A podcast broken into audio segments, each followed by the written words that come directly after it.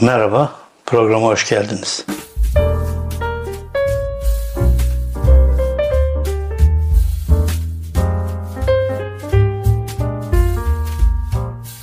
Bugün 28 Şubat'tan bahsedeceğim. 28 Şubat'tan derken 28 Şubat darbesinden bahsetmeyeceğim. Altılı grubun, altı partinin Millet, Millet İttifakı'nın e, toplantı sonrası ikinci ve son açıklamayı yani mutlaka daha çok buluşacaklar ama bu konudaki son açıklamayı yapacakları 28 Şubat'ı konuşacağım. E, çok tartışıldı 28 Şubat'ı. Niye seçtiler? Şöyle mi böyle mi falan. Günah mı çıkartıyorlar? 28 Şubat darbesiyle beraber e, iktidardan indirilen Temel Karamollaoğlu'nun o dönemki e, bulunduğu parti var. E, Meral Akşener o dönemde İçişleri Bakanı doğru yolda falan filan yani böyle bir çok karmaşık bir şey ama 28 Şubat'ı seçmelerinin nedeni bundan dolayı mı? Bunu tartışacağım ama e, 28 Şubat'ı bu kadar tartışırken insanlar neden 2010'da referandumun 12 Eylül'de yapıldığını, Kenan Evren'in referandumundan aynı günün seçildiğini hiç bu kadar tartışmamışlardı ve hala e, CHP'liler dahil ya iyi ama siz de işte 12 Eylül seçmiştiniz amacınız neydi demediler. Demiyorlardı hala televizyonlarda 28 Şubat üzerinden gidiyor. Neden bu şekilde gidiyor? Çünkü hep söylüyorum herkesin kendisine göre Türkiye'de bir darbesi var. 28 Şubat darbecileri e, yani darbesinden e, olanlar e, ciddi bir şekilde şu anda iktidardalar ve iktidarın e, bir takım yalakaları bunu çok ciddi sorun yaptılar ama 12 Eylül dediğim gibi böyle tartışılmamıştı. Hiç kimse söylemedi. Niye 12 Eylül? Ki buna benzer birkaç tarihi olay daha var e, AKP döneminde. Bir hafta öncesi şuydu buydu falan filan. E, kutlu haftasını, e, kutlu doğum haftasını sabitleştirmeleri, o, o çabaları falan gibi böyle komik komik şeyleri var. E, neyse konum bu değil. 28 Şubat'ı niye seçtiler? 28 Şubat ta bunu açıklayarak e, bir takım şeyler açıklayarak e, bir günah çıkartma mı yapacaklar yoksa e, 28 Şubat'ta bir kendilerince bir demokrasi adımı atacaktır. Ne atacaklar? Nedir bu demokrasi adımı? 28 Şubat'ta herkes e, niye bunu e, tartışmıyor da ne söyleyeceklerini ne açıklayacaklarını çok fazla tartışmıyor da bunu tartışıyor. Bu acaba e, Kemal Kılıçdaroğlu ve e, diğer partilerin ortaklaşa verdikleri bir e, aldatmaca kararı mı? Aldatmaca kararından şunu söyleyeyim. İşte bundan 28 Şubat'ta e, tartışırlar. Bizim esas ne açıklayacağımızı çok fazla üstüne gitmezler. Biz de e, bu anlamda bir gol atarız. Nedir o gol? Ben diyorum ki 28 Şubat'ta e, altılı koalisyon ya da ittifak ya da ikili ittifak işte dört e, ayrı parti ikisi girecek mi ikisi girmiş gibi falan filan bu altılı e, ilginç grup acaba Cumhurbaşkanı adayını 28 Şubat'ta mı açıklayacak? 28 Şubat'ta açıklayacaksa bu mantığa uyar mı? Evet uyar. 28 Şubat mağdurları 28 Şubat'ta kendilerine göre e, sisteme değil ama AKP'ye ve Erdoğan'a hayır diyecekleri ilk doneyi ortaya koyarlar. Nedir o işte? Kemal Kılıçdaroğlu adayımızdır. Kim açıklar bunu? Ben e, onların yerinde olsam yani empati kurduğumda kadın başkan olarak Meral Akşener açıklatırım. CHP ya da Kemal Kılıçdaroğlu ben adayım böyle karar verdik demesinden daha önemli olur diye düşünüyorum. 28 Şubat'tan benim beklentim bu. Bu diğer partilerin e, işine gelir mi? Evet gelir. 28 Şubat'tan e, bu sistemi doğuran 28 Şubat'a elveda demek bir anlamda. Neden böyle söylüyorum? Çünkü 28 Şubat AKP'yi bir anlamda doğurdu diyebiliriz. Yani 28 e, Şubat'ta alınan kararlar, işte dindar kesime e, er, Necmettin Erbakan'a yapılan baskılar hükümetten indirilmesi falan ciddi bir darbedir sonuçta. Darbede illa da e, birilerinin idam edilmesi, birilerinin öldürülmesi gerekmiyor. Hatta bütün darbeler askeri de olmak zorunda değil. CIA, CIA'nin bir takım toplantılarında 12 Eylül sonrası yapılan bazı toplantılarda bundan sonra askeri darbe yerine sivil darbenin tartışıldığını biliyoruz. Bu yazıldı çizildi bunlar. Onun için e, dediğim gibi 28 Şubat'ta e, birazcık bir askeri seslen hükümeti e, indirmişlerdi. Ve bu 28 Şubat'ın e, açıklaması bu anlamda çok önemli. Böyle bir günde önemli bir şey. Yani biz şunları tartıştık da son noktamız bunda. Yine son nokta tabii ee, başkan adayının açıklanması ama böyle bir şeyin açıklanması gerektiğine inanıyorum. Yoksa toplantı geçen gün şunları söyledik, şunları da şunları ekliyoruz lan bitmemesi gerektiğine inanıyorum ben. Evet e, neden Kılıçdaroğlu diyorum? Çünkü birincisi Erdoğan Kılıçdaroğlu'ndan ciddi bir şekilde korkuyor. Bunu neden söylüyorum? Çünkü ilk başlarda herkesin e, keşke Kılıçdaroğlu olsun dedi dediği e, Cumhurbaşkanlığı adaylığı için keşke Kılıçdaroğlu dediği insan şu anda e, ittifakla beraber ciddi bir şekilde öne geçmiş durumda. Erdoğan gibi kendisini e, çok fazla yukarılarda dünya lideri olarak gören birisi için Kılıçdaroğlu'na yenilmek çok ağır gelecek. O yüzden Kılıçdaroğlu'nu istemiyorlar. Herkesin dediğinin tersine Kılıçdaroğlu olsa da yensek ama olmaması gerekir canım. AKP'liği neyi ilgilendiriyorsa AKP yalakalarını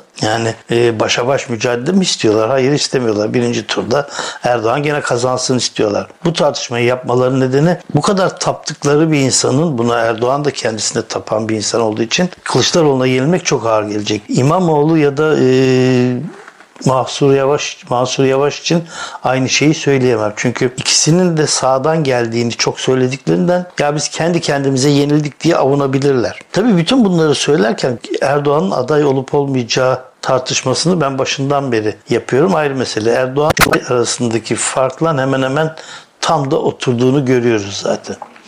Neden Kılıçdaroğlu diyorum ben? E, çünkü HDP'nin ve sosyalistlerin e, bu iki grubun firesiz Kılıçdaroğlu'na oy verecekleri çok bariz. Bu iki grup dışında iki grup daha var. HDP'ye oy vermeyen bir e, grup var. Kürt grubu var. E, bunlar gittikçe AKP'den kopmakla beraber e, diğer işte e, partilere gidebilme olasılıkları olan insanlar. E, ne gibi? İşte Ahmet Davutoğlu'na, e, Ali Babacan'ın partisine, İyi Parti'ye falan geçme e, eğiliminde olan insanlar. Cumhurbaşkanlığı Kılıçdaroğlu gibi bir e, Alevi Kürt olduğunda o insanlar bu tereddütten kurtulup en azından yarısı Kılıçdaroğlu'nun destekleyecektir. Kürtlerin böyle bir yanı var. Bu, bunu bilmeyen yok e, hepimiz biliyoruz. Bu üçüncü olasılık. E, dördüncü olasılık Aleviler. Alevilerin hepsi HDP'de, hepsi CHP'de değil. Aleviler çok geniş tabanlı e, seçmen e, kitlesi. Yani tamam e, hiçbir hiçbir zaman CHP ve HDP'deki Alevi kadar oy almıyor. İşte ne bileyim ben İyi Parti hatta MHP, MHP'nin MYK'sında bile Aleviler her zaman olmuştur. İşte Adalet Partisi, AKP'ye giden Alevi oyları ama böyle bir durumda e, bir e, ulusalcılık, bir e, yandaşlık mantığıyla Alevi bir cumhurbaşkanının olabilme olasılığı Alevileri Kılıçdaroğlu'na yönlendirecektir. O yüzden ben diyorum ki ciddi bir anket yani mutlaka bütün anketler ciddi anketlerin yaptıklarının ilk başta e, Mansur Yavaş'la Ekrem İmamoğlu'nun önde çıkmasını e, yanlış anket diye yorumlamıyorum ama o anketleri Alevilerin ve Kürtlerin ve sosyalistlerin ağırlıklı olduğu bölgelerde yaparsanız üçlü anket yapsanız e, kesinlikle e, Mansur Yavaş, e, Kemal Kılıçdaroğlu ve Ekrem İmamoğlu olarak yaparsanız e, buradan çıkacak sonuç e, kesinlikle Kılıçdaroğlu olur. Birincisi Mansur Yavaş e, HDP'den ve e, sosyalistlerden çok az oy alır. Ankara e, nasıl belediye başkanı seçildi denmesi e, çok da doğru değil. HDP oylarından seçilmedi İstanbul. Evet İstanbul'a benzer bazı yerlerde evet ama Ankara'da birincisi HDP'nin İstanbul kadar ağırlığı yok Ankara'da. Bir milletvekili çıkartıyor. Bilemediniz sıksa dişini iki çıkartabilir sosyalistleri falan topladığınızda e, bu hiç değişmez. E, ama İstanbul gibi bir ağırlığı yok. O yüzden Mansur Yavaş e, sadece HDP ile kazanmadı. Bu Ankara için kesin böyle. Buna e, tersini söyleyen HDP'li arkadaşlar varsa da ben e, Ankara'nın bu kadar etkili belediye başkanlığı seçimi için söylüyorum. Etkili olabileceğini sanmıyorum. Ama e, böyle bir seçimde Kılıçdaroğlu bulunmaz bir nimet. Kılıçdaroğlu'nun sağında bir insan Alevilerin, Kürtlerin, sosyalistlerin çok ciddi tepkisini çeker. Ha, kime oy kazandırır, e, kimden oy getirir fazladan? Kürtlerden diyebilirsiniz. Ama o da aslı varken böyle bir ittifaktaki sağcıya oy vermez. Nedir aslı? İşte Erdoğan. Ha, tabii benim kafamda hiçbir zaman Erdoğan yok ama e, bütün tartışmalar Erdoğan üzerinden gittiği için söylüyorum. Ve e, 28 Şubat'ta Kemal Kılıçdaroğlu'nun açıklanacağına inanıyorum. E, ayrıca e, Kemal Kılıçdaroğlu açıklandıktan sonra Erdoğan'ın yavaş yavaş e, bu adaylıktan nasıl cayacağının propagandasını ve tartışmalarının kendi içlerinde önce sessiz yani basına yansımadan dedikodusu yapılmadan tartışılmaya başlanacak. Sonra da yavaş yavaş e, basında Abdülkadir Selvi ile başlayan bir e, salvoyla e, okumaya başlayacağız diye düşünüyorum. Evet e, olaylar bu şekilde gelişecek. E, 28 Şubat günü göreceğiz. E, nasıl bir açıklama yapılacak ama benim e, büyük bir e, olasılıkla Kemal Kılıçdaroğlu'nun adaylığının açıklanacağını ve bunu 28 Şubat'ta kendilerince bir devrim olarak niteleyeceklerine inanıyorum. Kemal Kılıçdaroğlu'nun dışında CHP'den birisi olabilir mi? CHP'nin sağındaki bir kişi